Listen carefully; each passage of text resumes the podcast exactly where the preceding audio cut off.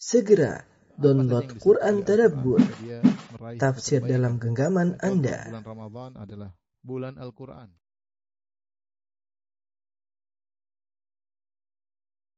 Bismillahirrahmanirrahim. Assalamualaikum. Assalamualaikum warahmatullahi wabarakatuh. Alhamdulillahi ala ihsanih wa syukru lahu ala taufiqihi wa amtinanih. Asyhadu an la ilaha illallah wahdahu la syarika lahu ta'ziman li sya'nih wa asyhadu anna Muhammadan abduhu wa rasuluhu da'ila ridwanih. Allahumma salli alaihi wa. Uh, para ikhwan akhwat Majelis Taklim yang dirahmati oleh Allah Subhanahu wa taala. Ini adalah pertemuan kita yang uh, perdana tentang tafsir surat An-Nur ya. Surat yang sangat mulia yang intinya mengajarkan tentang adab baik adab uh, sosial maupun adab pribadi yang hendaknya diperhatikan oleh uh, kaum muslimin dalam kehidupan mereka sehari-hari terutama bagi para wanita ya terutama bagi para wanita. Ya sampai datang uh, dalam satu riwayat dari Mujahid uh, bin Jabar rahimahullahu taala ya bahwasanya dia katakan alimu rijalakum surat al-maidah wa alimu nisaakum surat an-nur ajarkanlah para laki kalian dengan surat Al-Maidah, ajarkan mereka surat Al-Maidah dan ajari para wanita kalian dengan surat Nur. Jadi surat An-Nur ini hendaknya diketahui oleh para wanita, para ibu-ibu ya, karena eh, apa namanya? berisi tentang adab-adab yang penting terutama masalah kewanitaan juga. Demikian juga ini wasiat dari Umar bin Khattab radhiyallahu taala anhu dari Harithah bin Madrib dia berkata kataba ilaina Umar bin Khattab an ta'allamu suratan nisa wal ahzab wan nur Umar bin Khattab radhiyallahu anhu mengirim uh, perintah yang surat isinya belajarlah surat An-Nisa, belajarlah surat Al-Ahzab dan belajarlah surat An-Nur, ya, belajarlah surat An-Nur ya. Ini menunjukkan mempelajari surat An-Nur sangat penting ya. Uh, adapun surat An-Nur namanya adalah An-Nur ya. Dan Tahir bin Ashur uh, rahimahullah taala Tahir wa Tanwir menyebutkan tidak ada nama lain bagi surat ini. Ada sebagian surat namanya sampai dua sampai tiga ya. Tapi kalau surat An-Nur di antara surat yang namanya cuma satu nama yaitu surat uh, An-Nur ya. Kenapa? Karena dalam Al-Qur'an dalam surat An-Nur ada ayat Allahu nurus samawati wal ard. Allahu nurus samawati wal ard. Allah adalah cahaya langit dan bumi. Demikian juga firman Allah Wa man lam yaj'alillahu lahu nuran fama min nur. Siapa yang Allah tidak jadikan baginya adalah nur, ya, maka uh, tidak ada cahaya baginya. Allah juga berfirman dalam surat An-Nur, nurun ala nur, ya. Intinya disebutlah disebutlah uh, kalimat atau kata nur ini berulang-ulang dalam surat Nur ini terutama tentang cahaya Allah Subhanahu wa taala. Allahu nurus samawati wal ard. Allah adalah cahaya uh, langit uh, dan bumi. Subhanallah saya bacakan perkataan Syekh Al-Utsaimin rahimahullahu taala di mukaddimah tafsir beliau tentang surat An-Nur ya. Beliau berkata, "Wa idza ta'ammalta as-surah wajadta dzikran nur fiha." Jika kau perhatikan isi surat An-Nur kau dapati penyebutan nur. Di antaranya wa anallahu nurus samawati wal ard. Bahwasanya Allah adalah cahaya langit dan bumi. Demikian juga firman Allah, "Man lam yaj'al lahu nuran fama lahu min nur." Siapa yang Allah tidak bikin cahaya baginya, maka tidak ada cahaya baginya. Tabayyana laka anna al-iffata min asbabi nuril qalb. Maka aku akan sangat jelas bahwasanya uh, al-iffah yaitu menjaga diri, menjaga kehormatan, menjaga kehormatan itu beradab wanita maupun laki-laki ya. Eh, dalam disebutkan seperti menjaga diri, tidak memamerkan aurat, menjaga menundukkan pandangan. Ini semua menjaga kehormatan. Tabayyana laka anna al-iffata min asbabi nuril qalb. Maka akan jelas bagi engkau bahwasanya menjaga diri adalah sebab uh, cahaya hati. Wa anna dhiddaha wa huwal fujur dan lawan daripada al-iffah yaitu tidak menjaga kehormatan, ya, melakukan hal-hal yang diharamkan oleh Allah Subhanahu wa taala min asbabi zulmatil qalb. Ya, maka ini merupakan sebab gelapnya atau hitamnya hati. Walidzalika fa inna zina sawa'un kana bil ain, oleh karenanya zina itu sama saja apakah bil ain dengan memandang yang haram memandang aurat wanita atau wanita memandang aurat lelaki, au rijl atau dengan kaki ya. Uh, au atau dengan tangan, au bil lisan atau dengan lisan, au bil farji atau dengan kemaluan, ta'thiruhu 'alal qalbi wa 'ala nuril qalbi a'zamu min ghairihi. Maka pengaruhnya terhadap hati dan terhadap cahaya hati lebih besar daripada pengaruh uh, maksiat-maksiat yang lain. Wa ta'thirul ifa fi nuril qalbi ablaq dan sikap seorang menjaga kehormatannya ini mempengaruhi cahaya hati luar biasa. Jadi seakan-akan Syekh Utsaimin mengatakan surat ini akan mengajarkan kepada kita untuk menjaga kehormatan baik laki-laki maupun wanita. Semakin dia menjaga kehormatannya, menjaga pandangannya, menjaga dirinya, ya, tidak tidak sampai nyerempet-nyerempet kepada zina, maka dia akan mendapatkan cahaya hati yang luar biasa. Sebaliknya semakin dia menggampangkan dalam hal ini, menggampangkan melihat yang haram, menggampangkan nyerempet-nyerempet zina, uh, ngobrol seenaknya dengan wanita yang tidak halal baginya atau bersentuhan atau yang lain yang nyerempet-nyerempet zina, laki-laki maupun perempuan, maka semakin dicabut cahaya dari hatinya dan berganti dengan kegelapan. Dan faktor ini, faktor cahaya dalam hati, ya, uh, yang terkait dengan masalah ifah, masalah menjaga diri, lebih kuat faktornya daripada maksiat-maksiat yang lain, daripada mencuri, daripada uh, yang lain-lainnya ya. ya. Makanya uh, seorang dengan belajar surat An-Nur, dia akan belajar untuk meraih al-ifah ya. Al-ifah yaitu menjaga kehormatan dirinya ya. Semakin menjauhkan dirinya dari hal yang bisa menyerempet kepada perzinahan. Ini eh, kenapa disebut dengan surat eh, An-Nur? Adapun surat An-Nur dia adalah surat madaniyah. Surat madaniyah. Ya maksudnya turun ketika Nabi sudah berhijrah ke kota Madinah. Ada yang mengatakan dia turun setelah surat Al-Ahzab. Setelah surat Al-Ahzab karena dalam dalam surat An-Nur ada peristiwa hadisatul ifk kisah tuduhan Aisyah berzina kisah tuduhan Aisyah berzina yang dituduhkan oleh orang-orang munafik. Dan ini kejadian setelah Nabi SAW melakukan perang Banil Mustalik. Sepulang dari perang Banil Mustalik, itu sekitar tahun uh, eh, 5 Hijriyah ya. Itu setelah perang Ahzab. Perang Ahzab, kemudian Rasulullah SAW melakukan perang Banil Mustalik. Sepulang dari perang Banil Mustalik, terjadi tuduhan bahwasanya Aisyah berzina. ya Sehingga diketahui bahwasanya surat An-Nur ini adalah surat uh, Madaniyah. ya uh, yang lebih kuat bahwasanya dari awal sampai akhir semuanya madaniyah. Ada sebagian ayat yang diperselisihkan namun pendapat yang lebih kuat bahwasanya dari awal sampai akhir adalah surat uh, uh, madaniyah ya. Uh, adapun uh, topik yang dibahas ya, oleh Allah dalam surat Nur ya Ya, sekali lagi adalah tarbiyah al-akhlaqiyah wal adab al-ijtimaiyah lil fardi wal jamaah, yaitu tentang tarbiyah akhlak, tentang adab-adab sosial bermasyarakat, baik uh, secara uh, masyarakat maupun secara pribadi, secara person, ya. Uh, ini topik daripada surat uh, An-Nur ya. Kalau kita uh, buka dari awal surat, ya kita dapati Allah Subhanahu wa taala di awal surat menjelaskan tentang haramnya zina setelah mengharamkan haramnya zina, apa hukuman bagi orang yang berzina? Kemudian juga Allah menjelaskan tentang haramnya al-qadhaf, menuduh orang wanita baik-baik dengan tuduhan yang tidak-tidak, tuduhan zina. Ini juga diharamkan. Apa hukumannya bagi orang yang menuduh dengan tuduhan yang tidak-tidak? Kemudian juga Allah menyebut tentang haramnya li'an atau eh, tentang disyariatkannya li'an. Li'an itu adalah saling melaknat antara suami dan istri ketika istrinya eh, berzina dan tidak mengaku ya. Ini juga eh, disebutkan oleh Allah Subhanahu wa taala. Kemudian juga setelah itu Allah menyebut tentang kisah hadithatul ifk. Bagaimana jika ada kasus tuduhan. Dalam hal ini Aisyah radhiyallahu anha dituduh sebagai wanita berzina. Bagaimana yang harus dilakukan oleh kaum muslimin jika menghadapi kasus seperti ini? Ya, setelah itu uh, Allah menyebutkan tentang wasilah-wasilah untuk menjaga masyarakat agar tidak agar tidak terjerumus dalam dalam zina, yaitu dengan mengharamkan segala perkara-perkara yang bisa mengantarkan kepada zina.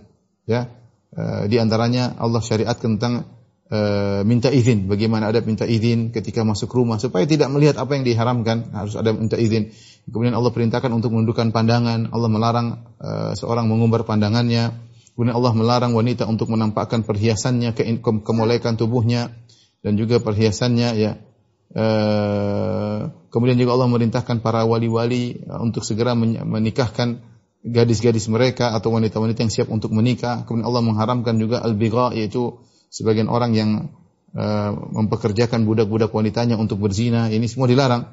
Ya, uh, ini adab-adab berkaitan dengan uh, topik berkaitan dengan apa inti dari surat An-Nur.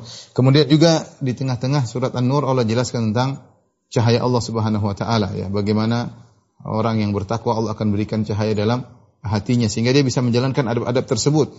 Kemudian juga Allah sebutkan tentang orang-orang yang tidak diberi cahaya, yaitu orang-orang munafik ya. Orang munafik tidak diberi cahaya sehingga dia tidak bisa menjalankan adab-adab tersebut. Kemudian Allah bandingkan antara sifat-sifat orang beriman dengan sifat-sifat orang uh, munafik. Dan demikian ya isi surat sampai akhir demikian juga adab terhadap Rasulullah SAW sampai akhir daripada surat isinya adalah adab. Isinya adalah adab. Oleh karenanya kita belajar surat An-Nur ini kita belajar adab dan kita belajar agar kita bisa uh, memiliki Eh, menjaga kehormatan al-iffah, memiliki kehormatan eh, jiwa dan ini terutama bagi para wanita. Terutama bagi para para wanita untuk eh, belajar surat An-Nisa. Adapun kaitannya dengan surat sebelumnya yaitu surat Al-Mu'minun Allah Subhanahu wa taala berfirman di awal surat Al-Mu'minun qad aflahal mu'minun alladzina hum fi salatihim khashi'un walladzina hum 'anil lagwi mu'ridun walladzina hum uh, kemudian kata Allah walladzina hum li furujihim hafizun illa ala azwajihim aw ma malakat aymanum fa innahum ghairu malumin. Di antara ciri-ciri orang yang beruntung, orang beriman adalah orang-orang yang menjaga kemaluan mereka ya. Kemudian di awal surat An-Nur jadi surat surat Al-Mu'minun surat ke-23. Surat An-Nur surat 24. Di awal surat Al-Mu'minun Allah sebutkan tentang orang-orang yang mulia yaitu orang-orang yang menjaga kemaluan mereka. Maka Allah sebutkan akibat tidak menjaga kemaluan maka ada zina dan apa hukumannya. Ya. Demikian juga kalau kita kaitkan dengan akhir surat An-Nur, di akhir di akhir surat Al-Mu'minun Allah berfirman, "Afahasibatum annama khalaqnakum abatha?" Apakah kalian menyangka kami ciptakan kalian begitu saja tanpa ada tujuan? Jawabannya ada tujuannya. Kalian diciptakan untuk diperintah dan dilarang. Untuk beribadah kepada Allah dengan perintah dan larangan. Nah, dalam surat An-Nur ini ada perintah ada larangan. Ada perintah ada larangan untuk memperbaiki uh, adab-adab uh, seseorang. Taib, ini adalah uh, mukaddimah tentang uh, surat An-Nur ya. Uh, kita bacakan uh, atau kita masuk dalam uh, inti dari surat An-Nur. Allah Subhanahu wa taala berfirman di awal surat Kata Allah Subhanahu wa taala suratun anzalnaha wa faradnaha wa anzalna fiha ayatin bayyinatin la'allakum tadhakkarun. Kata Allah ini adalah satu surat. Suratun anzalnaha, surat yang kami turunkan. Kami turunkan surat tersebut. Ya. Uh, sehingga kita tahu bahwasanya yang turunkan adalah Allah Subhanahu wa taala. Yang Allah adalah pencipta manusia uh, yang lebih tahu tentang apa yang terbaik bagi ciptaannya tersebut. Kita sering menyangka sesuatu maslahat bagi diri kita uh, ternyata tidak maslahat ya. Kita terkadang, menyangka sesuatu buruk bagi kemaslahatan kita ternyata itu lebih maslahat bagi kita. Karena ilmu kita terbatas, ilmu kita terbatas dan kita terkadang memandang hanya dari sisi uh, mikro, ya, tidak memandang dari sisi makro. Adapun Allah Subhanahu wa taala ya, Maha berilmu dan Maha tahu tentang ciptaannya. Sehingga ketika Allah turunkan syariat, Allah tahu itu yang terbaik bagi manusia. Inilah syariat yang bisa memberi pelajaran bagi manusia, menjadikan mereka beradab. Ya, Allah mengatakan suratun anzalnaha, surat yang kami turunkan surat tersebut. Wa faradnaha dan kami uh, wajibkan dalam sebagian qiraah wa faradnaha dengan dengan tasydid. Wa faradnaha artinya kami wajibkan apa yang kami turunkan dalam surat ini untuk dikerjakan, untuk diterapkan. Atau farradnaha yaitu kami turunkan ayat hukum berulang-ulang, bukan cuma sekali. Ya, karena wazan taf, taf'il ya, bisa berarti uh, menunjukkan takfir. Itu kami turunkan beberapa atau banyak hukum-hukum dalam surat ini untuk kalian kerjakan, ya. Wa faradnaha yaitu bukan diturunkan hanya cuma diketahui sebagai wawasan tidak, dikerjakan. Dikerjakan, ya. Wa anzalna fiha ayatin bayyinat dan kami turunkan dalam surat ini ayatin bayinat, bukti-bukti yang jelas, ayat-ayat yang jelas, la'allakum tadhakkarun agar kalian bisa mengingatnya. Agar kalian mengingatnya. Nah, penting orang kalau ingin adabnya selalu terjaga, dia sering baca surat ini. Subhanallah. Kita ini manusia suka lalai. Ibu-ibu juga suka lalai. Dalam surat ini diajarkan bagaimana jangan menampakkan perhiasan.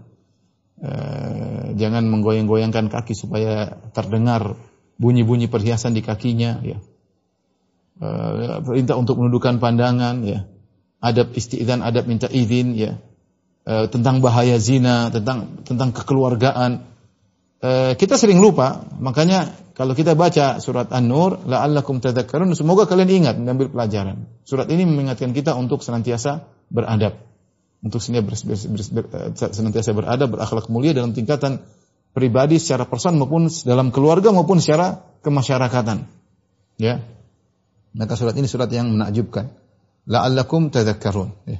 Adapun makna surat secara bahasa, ya, secara bahasa uh, ada yang mengatakan surat ada diambil dari sur, sur artinya yang eh, tersisa, artinya surat ini adalah salah satu bagian daripada rangkaian surat-surat. Ya, dia salah satu bagian ya. Sebagaimana sur, sur artinya sisa, artinya ada yang ada yang lainnya juga. Jangan kalian menyangka Al-Quran cuma ini. Ini salah satu daripada rangkaian surat-surat yang banyak yang kalau disusun menjadi Al-Quran.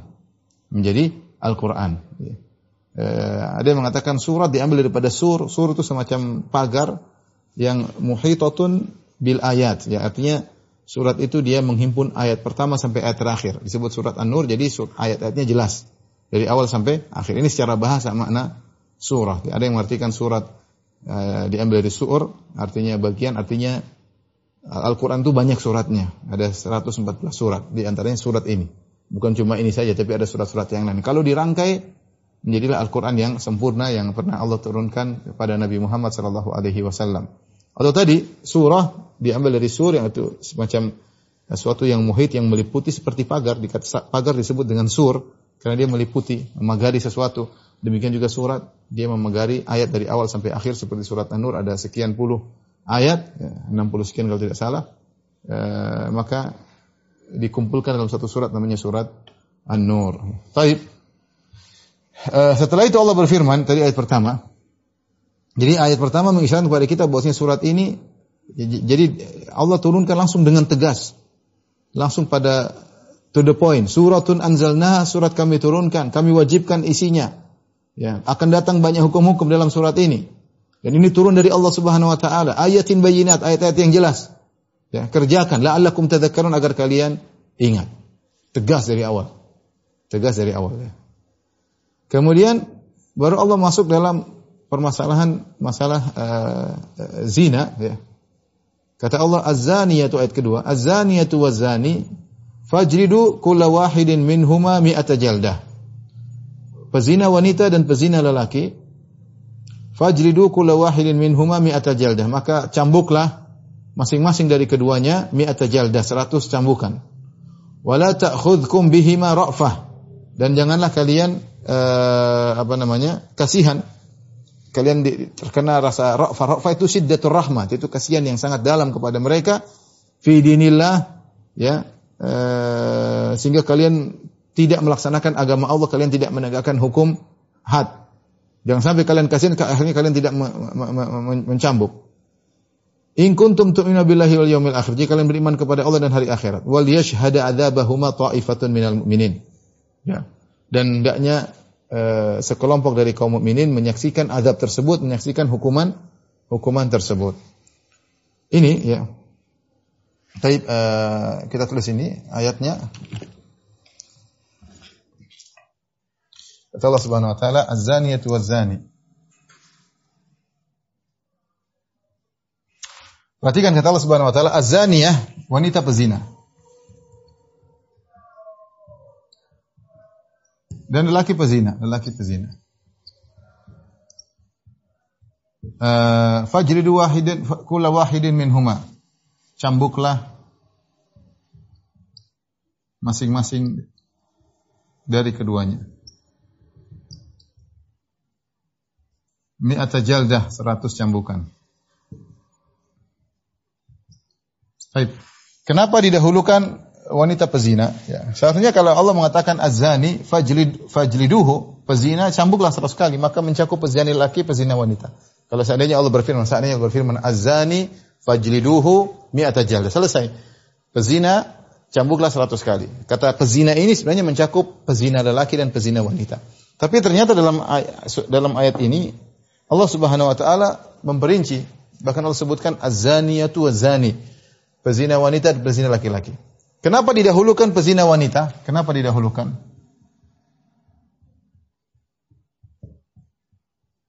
Lain halnya ketika Allah Subhanahu wa taala menyebutkan tentang pencuri. Ketika Allah sebut tentang pencuri, Allah mendahulukan laki-laki. Kata Allah wasariqatu wasariqu wasariqatu faqatu aydiyahuma.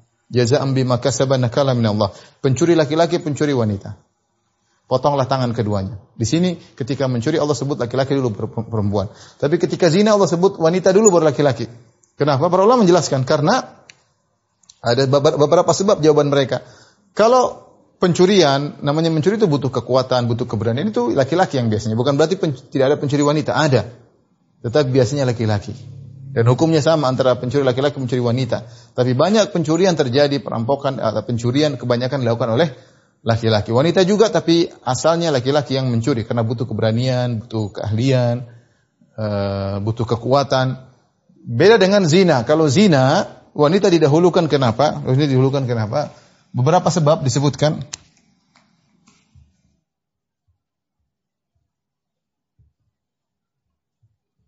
Di antaranya uh, yang yang yang yang banyak uh, menjadi pezina adalah wanita.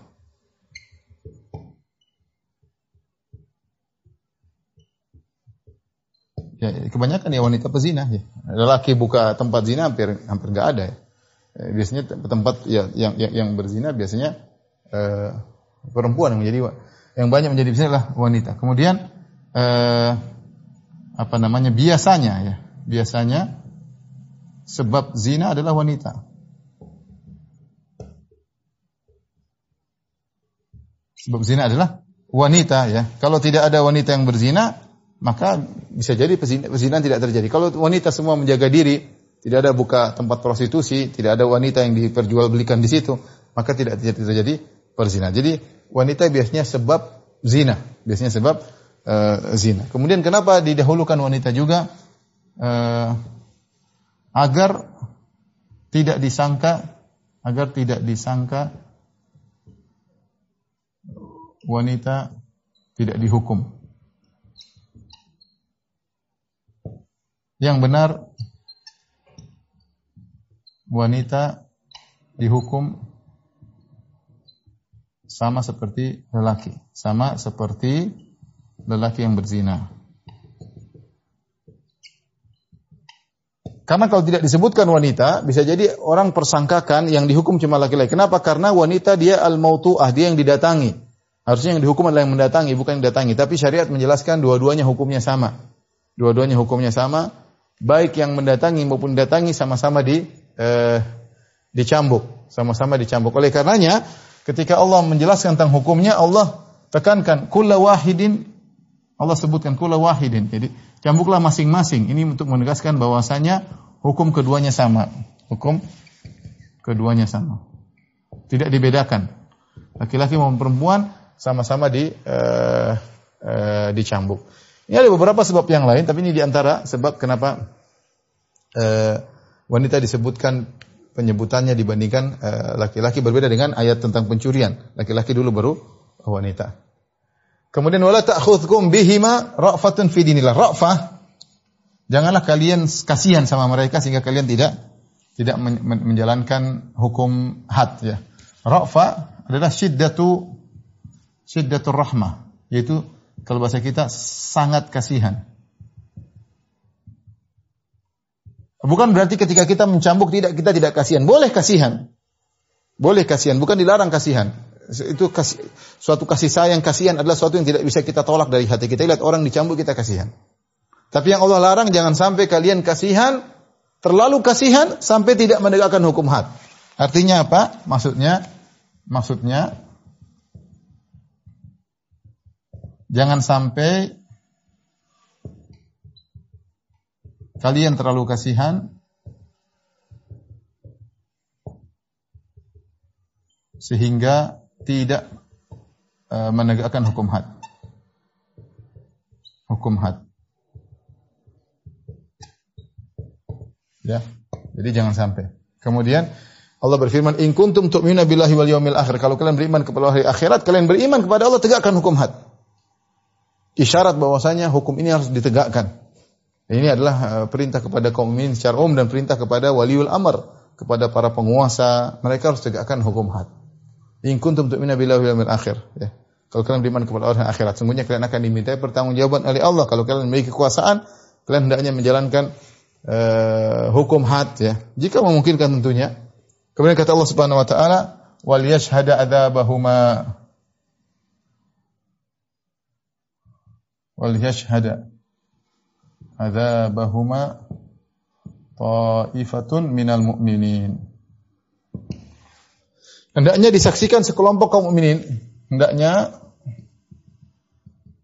disaksikan disaksikan penyiksaan mereka tersebut uh, hukuman tersebut oleh sekelompok kaum mukminin. Kaum mukminin. Nah, Taifah di sini Taifah di sini ada khilaf di kalangan para ulama.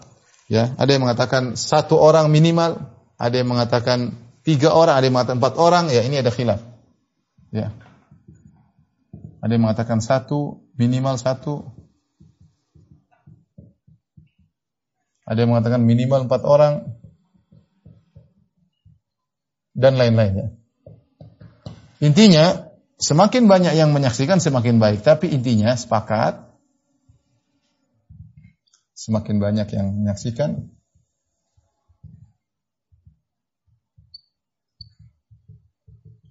maka semakin baik. Kenapa? Kenapa semakin baik?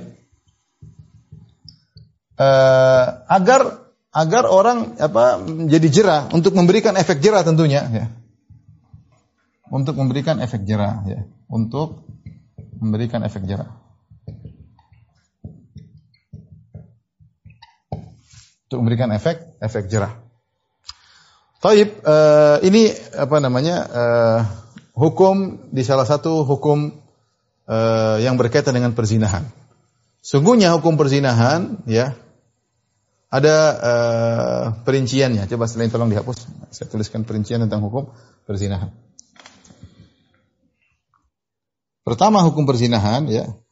Ayat yang pertama kali itu tentang perzinahan adalah dalam surat An-Nisa ayat 15 sampai ayat 16. Saya bacakan firman-Nya. Allah berfirman, "Wallati ya'tinal fahishata min nisaikum fastashhidu alaihinna arba'ata minkum. Yang artinya dan para wanita yang melakukan perbuatan keji yaitu berzina. Ini wanita sekarang.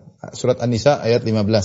Wallati ya'tinal fahisyata min nisaikum dan orang-orang para wanita dari wanita kalian yang melakukan perzinahan fastashhidu alaihin arba'ata minkum datangkanlah empat saksi dari kalian fa in syahidu kalau mereka bersaksi fa amsikuhunna fil buyuti maka ditahan di dalam rumah jangan dikeluarkan tidak boleh ke mana mana hatta yatawaffahunnal maut sampai mereka meninggal. Ini hukum pertama kali terjadi perzinahan, belum dirajam, belum dicambuk pertama kali. Disuruh ditahan kalau perempuan sampai di rumah sampai mati di rumah. Au yaj'alullahu lahunna sabila kecuali Allah memberikan uh, jalan yang lain, hukum yang lain. Selama belum ada hukum yang lain, ditahan di rumah sampai meninggal. Ini kalau wanita yang berzina. Adapun kalau laki-laki, walladzani ya'tiyaniha minkum fa'adhuhuma. Dan jika dua orang melakukan perbuatan keji di antara kalian maksudnya para laki, fa'adhuhuma maka berilah hukuman kepada keduanya yaitu dengan di dicela, di, di, dipermalukan. Ini hukumnya dulu seperti itu, ya. Ya. Fa in taba wa aslah fa'ridu anhum. Kalau mereka berdua tobat dan melakukan perbaikan maka uh, biarkanlah mereka. Inna Allah kana tawwaban rahima. Sungguhnya Allah Maha menerima tobat lagi Maha penyayang. Ini hukum asal kalau laki-laki perempuan yang berzina maka dipenjara, eh bukan penjara, ditahan di rumah sampai meninggal dunia atau ada jalan lain. Kalau laki-laki maka di eh, di apa namanya? Eh, dipermalukan, dipermalukan. Kemudian hukum ini berubah dengan adanya perincian ya. Adanya perincian. Di antaranya dalam ayat ini ya. Dicambuk atau dirajam, dicambuk dirajam ya. Dalam satu hadis uh, Rasulullah SAW menjelaskan bahwasanya uh, apa namanya khudhu anni khudhu anni faqad ja'alallahu lahun lahun nasabila kata Nabi ambillah dariku ambillah dariku Allah telah memberikan hukum yang baru bagi para wanita. Saya bacakan hadis dari Ubadah bin Samit radhiyallahu anhu beliau berkata qala kana nabiyullah idza unzila alaihi kuriba lidzalika wa tarabbada lahu wajhuhu. Qala fa unzila alaihi dzata yaumin faluqiya kadzalika falamma surya anhu qala khudhu anni faqad ja'alallahu lahunna sabila. Suatu hari Nabi SAW kalau dapat wahyu dari Rasulullah SAW seperti terdiam ya, ya terasa berat sampai akhirnya suatu hari Rasulullah SAW dapat diberikan wahyu, kemudian Rasulullah SAW seakan-akan uh, lega, Baru Rasulullah SAW sebutkan. Kata Rasulullah SAW, Khudhu anni, ambillah dariku. Faqad ja'alallahu lahunna sabila. Allah telah memberikan jalan hukum yang lain bagi para wanita yang berzina. Athayibu bithayibi wal bikru bil bikri. Kalau uh, yang sudah yang sudah thayyib dengan thayyib dan yang masih gadis dengan gadis ya. Janda dengan janda, gadis dengan gadis. Athayyibu jaldu mi'atin thumma rajmun bil hijarah. Adapun janda atau yang sudah pernah menikah dengan nikah yang sah jika berzina, maka dicambuk seratus kali kemudian dirajam dengan batu.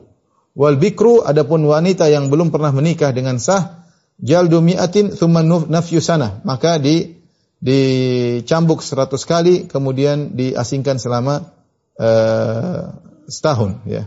Selama setahun. Subhanallah dahulu pernah turun ayat turun ayat dalam Al-Qur'an tapi ayat ini dimansuhkan. Dimansuhkan tetapi hukumnya masih berlaku. Pernah dalam Al-Qur'an ada suatu ayat bunyinya demikian. Asy-syaikhu wa syaikhatu idza zanaya farjumuhuma albattah nakala min Allah Uh, lelaki dan wanita maksudnya yang sudah menikah, yang sudah pernah menikah dengan nikah yang sah, laki-laki maupun perempuan, jika berzina maka rajamlah sebagai hukuman dari Allah Subhanahu wa taala. Hadis ini diriwayatkan Imam Muslim dalam sahihnya dengan sanad dari dengan sanadnya dari Ibnu Abbas radhiyallahu anhu beliau berkata, qala Umar bin Khattab. Umar bin Khattab suatu hari sedang duduk ala mimbar Rasulullah di atas mimbar Rasulullah sallallahu alaihi wasallam di zaman Umar. Kemudian Umar berkata, Inna Allah qad ba'atha Muhammadan bil haq. Sungguhnya Allah telah mengutus Muhammad dengan kebenaran. Wa anzala alaihi kitab dan Allah turunkan kepadanya Al-Qur'an. Fakana mimma unzila alaihi ayatul rajm. Di antara ayat-ayat yang pernah Allah turunkan kepada Nabi adalah ayat tentang hukum rajam. Tapi kalau Al-Quran kita buka sekarang nggak ada. Tapi pernah ada. Karena dalam Al-Quran ada ayat nasikh dan mansuh. Manan min ayatin. Au nunsiha na'ti bi khairin minha Jadi ada ayat yang sudah dimansuhkan. Ya, tapi itu pernah ada dalam Al-Qur'an, ya. Makanya dulu Nabi SAW uh, eh, apa namanya uh, tidak membukukan Al-Qur'an, tidak mengkodifikasikan Al-Qur'an. Kenapa? Karena Al-Qur'an ada masih ada nasih dan mansuh. Ada yang masih dikurangi, ada uh, ada yang ada yang ditambah, ada yang ayat-ayat diturunkan di tengah-tengahnya sehingga belum dikodifikasikan. Setelah Nabi meninggal baru kemudian para sahabat memasuk karena sudah selesai, nggak ada lagi perubahan. Maka dijadikan Al-Qur'an dalam satu buku. Dulu tidak. Dulu tidak karena ter bisa terjadi nasih dan mansuh. Di antaranya kata Umar pernah turun ayat rajam, ayat tentang rajam. Qara'naha wa wa'ainaha wa aqalnaha. Kami baca ayat tersebut dan kami memahaminya. Farajama Rasulullah sallallahu wa rajamna ba'dahu. Rasulullah merajam dan setelah Nabi meninggal kami juga merajam. Fa akhsha in tala bin nasi zamanun. Aku khawatir kalau zaman semakin jauh an yaqula qailun akan muncul seorang yang berkata, "Ma najidu rajma fi kitabillah." Tidak ada ayat dalam Al-Quran suruh rajam. Kenapa kita harus merajam? Fayadhillu bitarki faridatin. Maka orang-orang akan tersesat gara-gara perkataan orang ini ya dengan meninggalkan suatu perintah anzalahullah yang pernah Allah turunkan. Wa inna rajma fi kitabillah haqqun. Ayat rajam pernah ada dalam Al-Quran dengan benar. Alaman zana idza ahsana minar rijal wan nisa. Rajam itu berlaku bagi orang laki-laki maupun perempuan yang sudah ahsan. Ahsan maksudnya sudah pernah sudah pernah uh, menikah dengan nikah yang sah. Idza qamatil bayyinatu aw kana hablu awil i'tiraf. Jika ditegakkan uh, ada bukti atau hamil atau pengakuan, baru bisa ditegakkan hukum hukum rajam. Ya. Jadi kita perinci ini rahmatillah subhanahu wa taala uh, hukum rajam ya, hukum rajam atau hukum hukum bagi pezina. Ya. Uh, pertama, hukum pertama. Uh, di awal Islam, ya, hukumnya wanita kalau berzina ditahan di rumah, ditahan di rumah sampai meninggal, hingga meninggal atau Allah memberikan hukum yang lain. Au ja'alallahu lahunna sabila. Adapun jika lelaki berzina dipermalukan. Dipermalukan ya. Di di hadapan umum ya.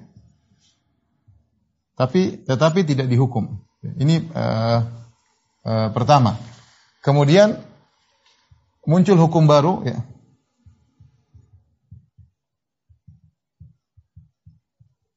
Dari mana sumbernya? Dari Al-Quran maupun Sunnah. Ya. Al-Quran maupun Sunnah. Al-Quran dan As-Sunnah, hadis. Al-Quran tadi ada ayatul rajam, ayatul rajam. Ayat rajam, ayat tentang rajam. Bunyinya tadi asy-syaikhu wa syaikhatu ya farjumuhuma yang bunyinya asy-syaikhu wa syaikhatu farjumu idza zayana idza uh, farjumuhuma idza zanaya idza zanaya laki-laki maupun perempuan jika berzina maka rajamlah mereka. Namun bagaimana dengan ayat ini? Ayat ini mansuh lafalnya, sudah mansuh. Tapi hukumnya tidak, tapi hukumnya tetap berlaku. Hukumnya tetap berlaku. Dalam hadis juga disebutkan Rasulullah SAW mengatakan khudhu anni khudhu anni. Kata Nabi SAW, khudhu anni qad ja'alallahu lahunna sabila. Kemudian Rasulullah jelaskan, ya. Jadi e, muncullah hukum baru. Bagaimana hukum baru tersebut? Hukum baru tersebut adalah sebagai berikut. E, yang berzina, ya. E, muhsan dan ghairu muhsan. Muhsan Ghairu muhsan. Apa maksudnya muhsan? Muhsan itu pernah menikah dengan nikah resmi. Pernah menikah dengan nikah sah. Namanya muhsan. Ghairu muhsan. Adapun muhsan maka hukumnya dengan di dirajam hingga meninggal. Adapun ghairu muhsan masih gadis atau lajang ya, gadis atau lajang, yaitu belum pernah menikah. Mungkin dia pernah berzina tapi dia belum pernah menikah dengan nikah resmi. Maka ini adalah eh, cambuk 100 kali dan diasingkan setahun. Diasingkan setahun. Kalau zaman dahulu di, di, di, dibuang di kota lain, Tentu bukan kota yang kacau yang di sana malah perzinahan tersebar, tidak dibuang di kota yang tidak ada perzinahan agar dia sadar dia dibuang. Tapi kalau sekarang tidak dipraktekkan, dipraktekkan di Arab Saudi, kalau ada lajang yang atau gadis yang berzina maka dipenjara, dipenjara setahun. Ya, tidak tidak dilepas begitu saja kan lepas dia bisa lebih lebih parah lagi maka di uh, dipenjara. Nah, ini ini hukum yang berlaku sekarang, ya berlaku sekarang bahwasanya orang yang berzina kalau sudah pernah menikah maka dirajam hingga mati. Ada yang mengatakan dicambuk dulu baru dirajam, sebagaimana dalam hadis tadi hadis Umar bin Khattab radhiyallahu taala anhu atau hadis Nabi sallallahu alaihi. Uh, adapun yang masih lajang, ghairu muhsan dicambuk seratus kali kemudian diasingkan selama uh, setahun. Nah, bagaimana praktek rajam ini? Tiga tiga cara, tiga uh, sebab Tiga sebab. Kata Umar bin Khattab radhiyallahu anhu, di antaranya uh, pengakuan Kemudian uh, di antaranya al-bayyinah, bayyinah. Bayyinah maksudnya empat orang saksi melihat. Empat orang saksi. Saksi yang melihat ember masuk sumur. Empat orang saksi yang melihat ember masuk sumur dan ini para saksinya adalah para laki. Laki melihat terjadi perzinahan. Benar-benar melihat terjadi perzinahan. Yang ketiga adalah hamil, hamil, wanita hamil. Hamil tanpa suami. Maka ini maka ini bisa di, dirajam kata Umar bin Khattab radhiyallahu anhu hamil bayina atau pengakuan atau uh, pengakuan ya. Kalau tidak ketahuan, tidak ada empat orang saksi melihat, tidak ada pengakuan atau wanita hamil tidak diketahui, maka tidak ditegakkan hukum uh, hukum rajam. Inilah uh, apa namanya. Jadi ini pernah terjadi di zaman Nabi SAW.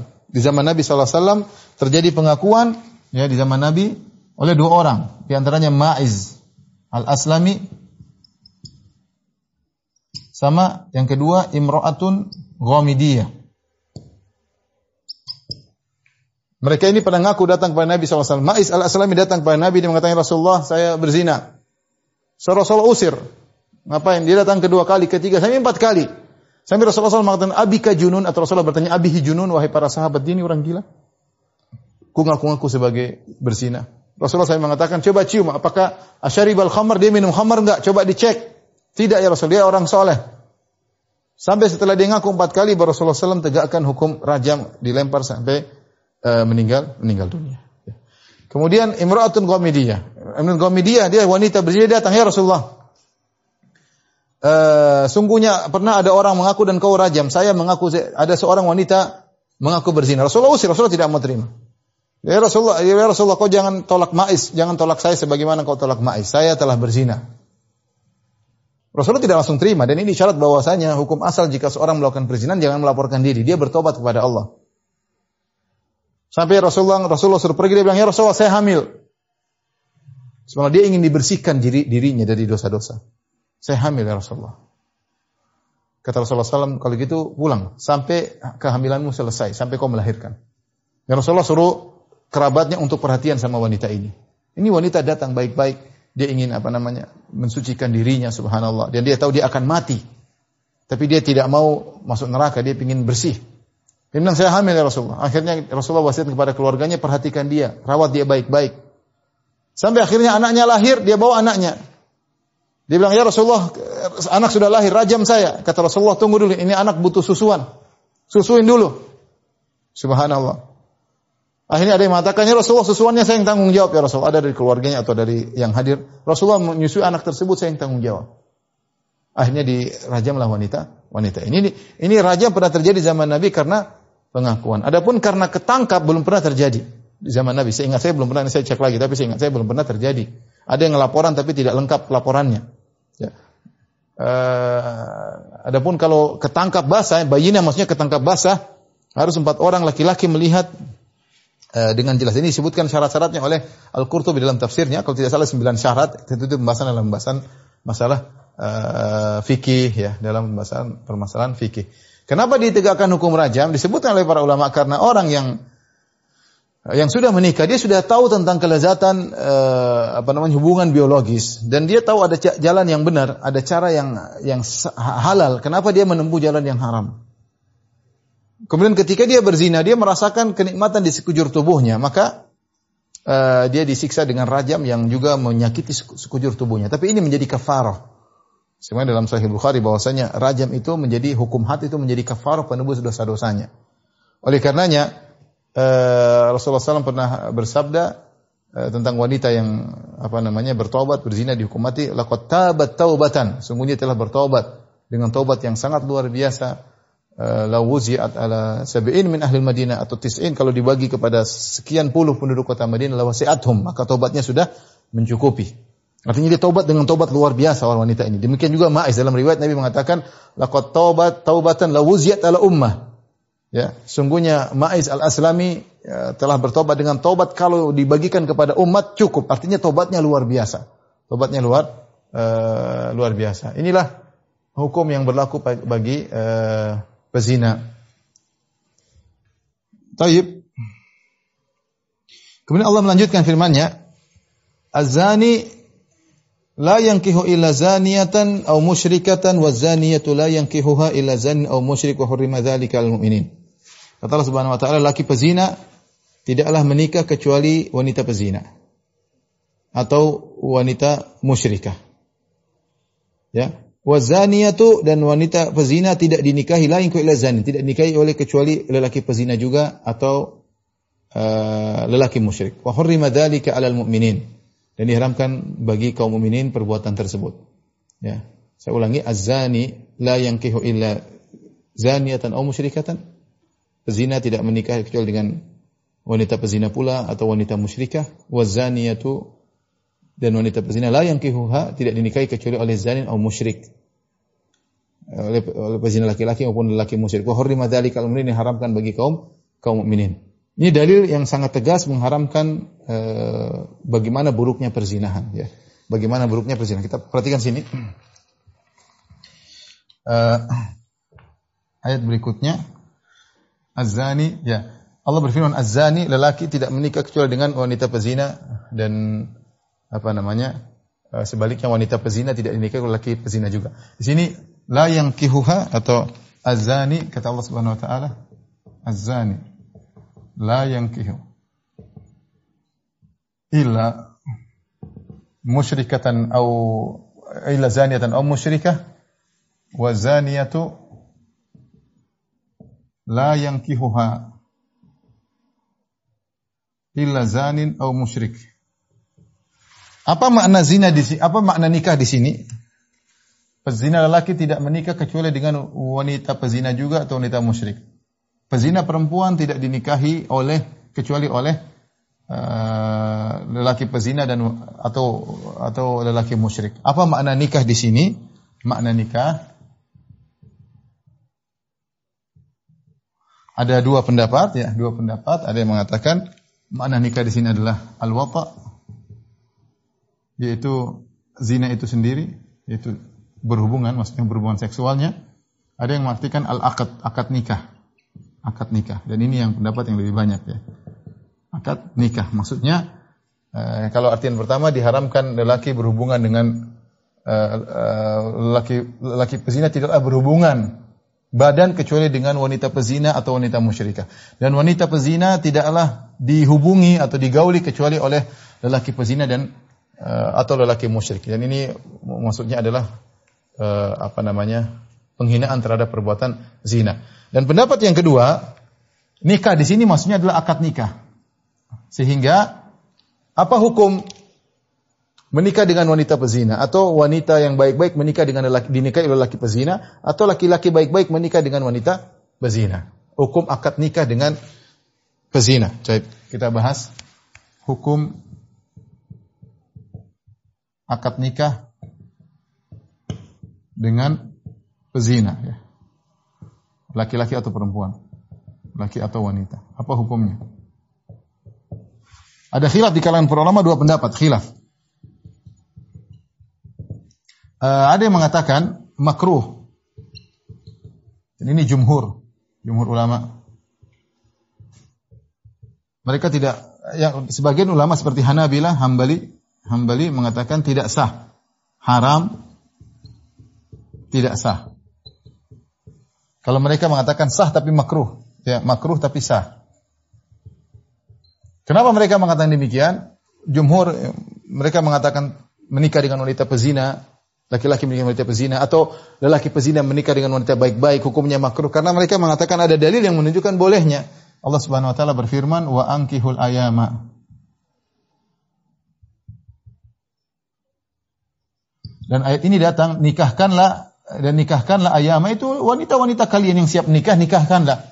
Allah tidak memperinci uh, berzina atau tidak berzina. Jadi nikahkanlah wanita ini sudah siap nikah, nikahkanlah wanita-wanita yang siap nikah di antara kalian tanpa memperinci berzina atau enggak berzina sehingga mereka mengatakan dan ayat ini turun setelah ayat uh, ayat yang sedang kita bahas ini ini juga dalam surat An-Nur tapi belakangan nanti.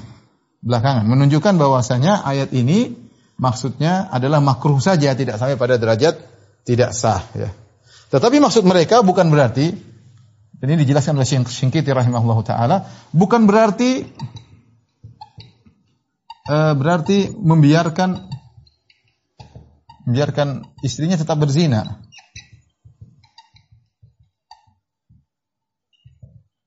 Akan tetapi berusaha mencegahnya.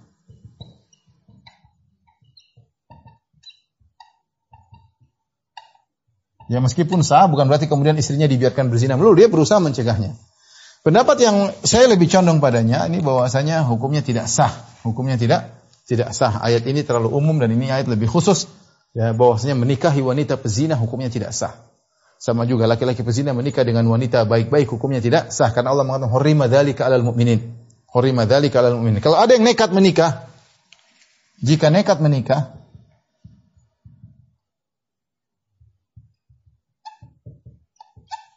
dengan pezina, maka ada dua kondisi.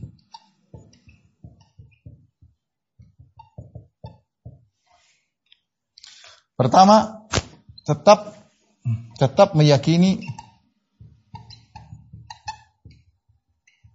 itu adalah perbuatan haram.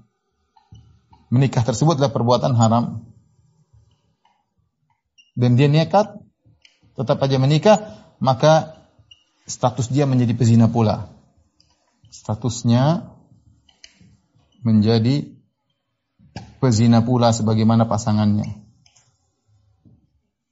Kalau dia menganggap itu halal, jika dia menganggap halal, boleh menikah dengan wanita pezina, menganggap halal, ya, maka ini bisa derajat kafir atau musyrik. Ini sebagaimana dijelaskan oleh Syekh Utsaimin dalam tafsirnya. Ya, tentu ada khilaf tapi saya lebih condong pada pendapat ini. Oleh karenanya, Allah alam bisawab ya. Uh, ini pendapat lebih kuat, ini pendapat lebih uh, madhab Hambali ya. Tidak tidak boleh menikah dengan wanita pezina. Haram menikah dengan wanita pezina. Lelaki pezina tidak boleh menikah dengan wanita baik-baik, wanita lelaki baik-baik tidak boleh menikah dengan wanita pezina. Hukum haram dan pernikahan tidak sah. Kalau dia tetap nekat, maka dia perzina seperti wanita tersebut. Tapi kalau dia mengatakan halal, ya bisa sampai kepada derajat musyrik ya. Terus bagaimana solusinya? Solusinya dia kalau naksir sama seorang wanita, maka hendaknya dia dakwahi supaya dia bertobat. Kalau sudah bertobat boleh dinikahi. Kalau sudah bertobat, kemudian dia sudah mungkin bertobat meninggalkan perbuatan-perbuatan haram, kemudian tidak berzina lagi, berarti sudah berubah statusnya dari pezina menjadi tidak pezina. Maka itu boleh di, dinikahi. Ada itu boleh dinikahi. Adapun eh, sebab nuzul berkaitan dengan ayat ini di antaranya dalam satu hadis diriwayatkan oleh eh, Tirmidzi ya Tirmidzi di dalam Tirmidzi dengan sanad yang sahih.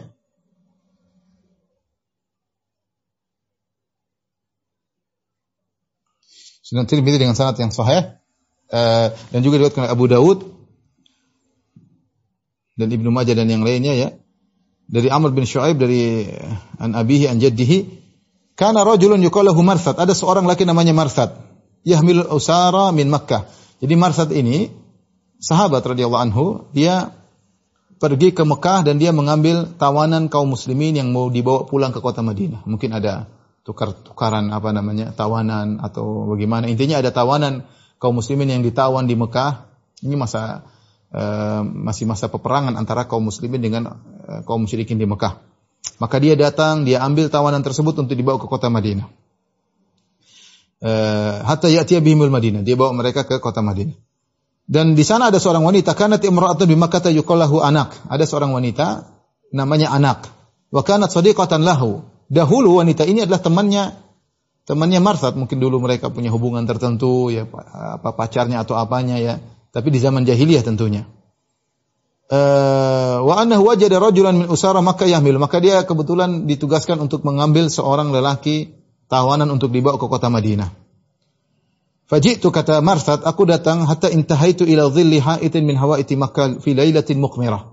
Aku tiba di malam hari di salah satu uh, kebun ya uh, ada kebun aku beristirahat di situ di malam bulan purnama tiba-tiba fajaat anak tiba-tiba datang seorang wanita tersebut kenalan dia dia kenal ya. Dan dia suka dengan wanita ini. Mungkin dulu pernah berhubungan atau apa zaman jahiliyah. Fa salat sawada dhilli sawada dhillin tahtal haid. Dia lihat kok ada bayangan. Karena rembulan ada bayangan maka dia ke situ. Dia lihat ternyata falam mantahat ilayya arafatni ternyata dia kenal aku. Dia berkata marsat teman lamanya. Mar, engkau marsad? Fakultu marsad. Iya. Faqalat marhaban wa ahlan. Haluma fabit indana laila. Dia bilang ayo nginap di rumahku. Selamat datang singgah di rumah ya temannya ya. Teman di zaman jahili, ayo ke sini nginap di rumah. Subhanallah. Dia cinta kepada dia berkata, "Ya anak, haramallahu zina." Kata dia anak, pacar lamanya kali ya. Allah haramkan zina. Enggak bisa lagi Allah haramkan zina. Wanita ini jengkel ketika dia ngajak berzina tidak mau, dia ini wanita pezina, dia ngajak ber, uh, sahabat tadi berzina dan sahabat tidak mau, maka dia pun berteriak, "Ya ahlal khiyam, hadza rajul yahmilu usrakum." Ya. Yahmilu uh, asrakum ya. Kata dia, "Wahai uh, yang, dalam kiamah keluarlah ini orang ingin bawa apa namanya? tawanan-tawanan." ya, maka kata Marsad ada delapan orang kemudian mengejarku, ya. Maka aku pun lari, aku melewati uh, nama gunung di kota Mekah sehingga aku sampai masuk pada sebuah aku sembunyi pada sebuah goa dalam gunung tersebut. Ya, mereka kemudian mengejarku, ya, mereka cari-cari nggak dapat. Ya, sampai mereka ternyata karena gelap mereka tidak lihat dan sahabat ini sembunyi, maka di antara mereka ada yang kencing, mereka kencing di di, di gua tersebut. Wa dhalla ala ra'si. Kemudian kencing mereka mengenai kepala aku, diam aja pokoknya. Wa nahahumullahu anni. Akhirnya Allah buat mereka menjauh. Thumma. E, kemudian mereka pun pergi. Setelah itu mereka sudah pulang, aku pun pergi menuju orang yang akan aku bawa tersebut. Fahamil tu hatta Madinah. Ya disebut dalam riwayat lain, aku pun buka belenggu orang tersebut. Ini mau dibawa bawa pulang kota Madinah. Aku tiba di kota Madinah, fa'ataitu Rasulullah sallallahu alaihi aku datang kepada Rasulullah, aku berkata, "Ya Rasulullah, ya Rasulullah, angkihul angkihu anakon. Ya Rasulullah, bolehkah aku menikah dengan anak?"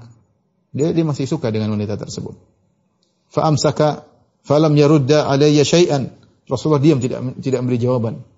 Sampai akhirnya turunlah firman Allah, "Az-zani la yankihu illa zaniyatan." Lelaki pezina tidaklah menikah kecuali wanita pezina pula.